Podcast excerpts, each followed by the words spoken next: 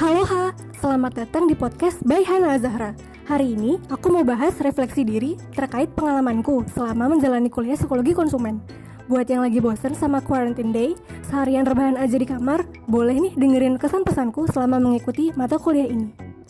Mata kuliah ini secara keseluruhan membahas tentang perilaku konsumen, perilaku produsen, dan strategi pemasaran ditinjau dari sudut pandang psikologi.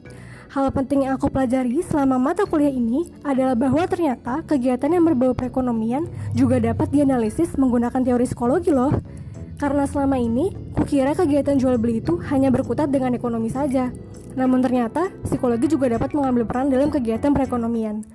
Lebih spesifik lagi, aku pribadi ingin mempelajari materi terkait ekspor impor perdagangan Indonesia karena materi ini tidak dibahas mendalam di buku. Jadi aku merasa sangat tertarik untuk mempelajarinya. Seharusnya materi ini disampaikan ketika kuliah dengan dosen tamu. Hanya saja, karena jadwal perkuliahan yang dimodifikasi akibat PJJ, maka kuliah dengan dosen tamu ditiadakan. Ada satu tugas dalam mata kuliah ini yang sangat mengasah kreativitasku, yaitu saat tugas membuat iklan. Aku pribadi tak punya pengalaman sama sekali dalam urusan video editing, sehingga tugas ini sangat mendorongku untuk mulai mempelajari dasar-dasar dalam mengedit video dan tentu saja tidak lupa menggunakan teori, yaitu teori marketing mix atau dikenal juga dengan teori marketing 4P, product, price, place, dan promotion.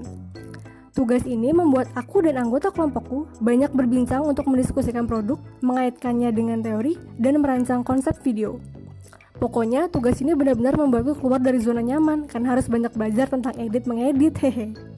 Selama mengasah kreativitas, tugas membuat iklan berdasarkan teori marketing 4P ini juga paling mengasah rasa ingin tahuku karena aku pun baru pertama kali mendengar istilah marketing 4P dari tugas ini yang kemudian membuatku banyak membaca tentang teori ini dari berbagai sumber.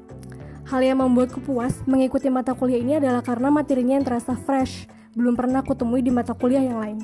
Terima kasih kuucapkan kepada Mbak Berti dan Mbak Tika selaku dosen pengampu mata kuliah ini karena telah mengemas perkuliahan dengan baik dan cukup menyenangkan. Teruntuk dosen pengampu mata kuliah ini di semester berikutnya, kalau bisa kegiatan kunjungan perusahaan wajib diadakan ya, Mas, Mbak. Hehe. Karena pasti bakalan asyik. Nah, teman-teman, seperti itulah sedikit pengalaman dan kesanku mengikuti mata kuliah psikologi konsumen. Semoga kalian suka ya.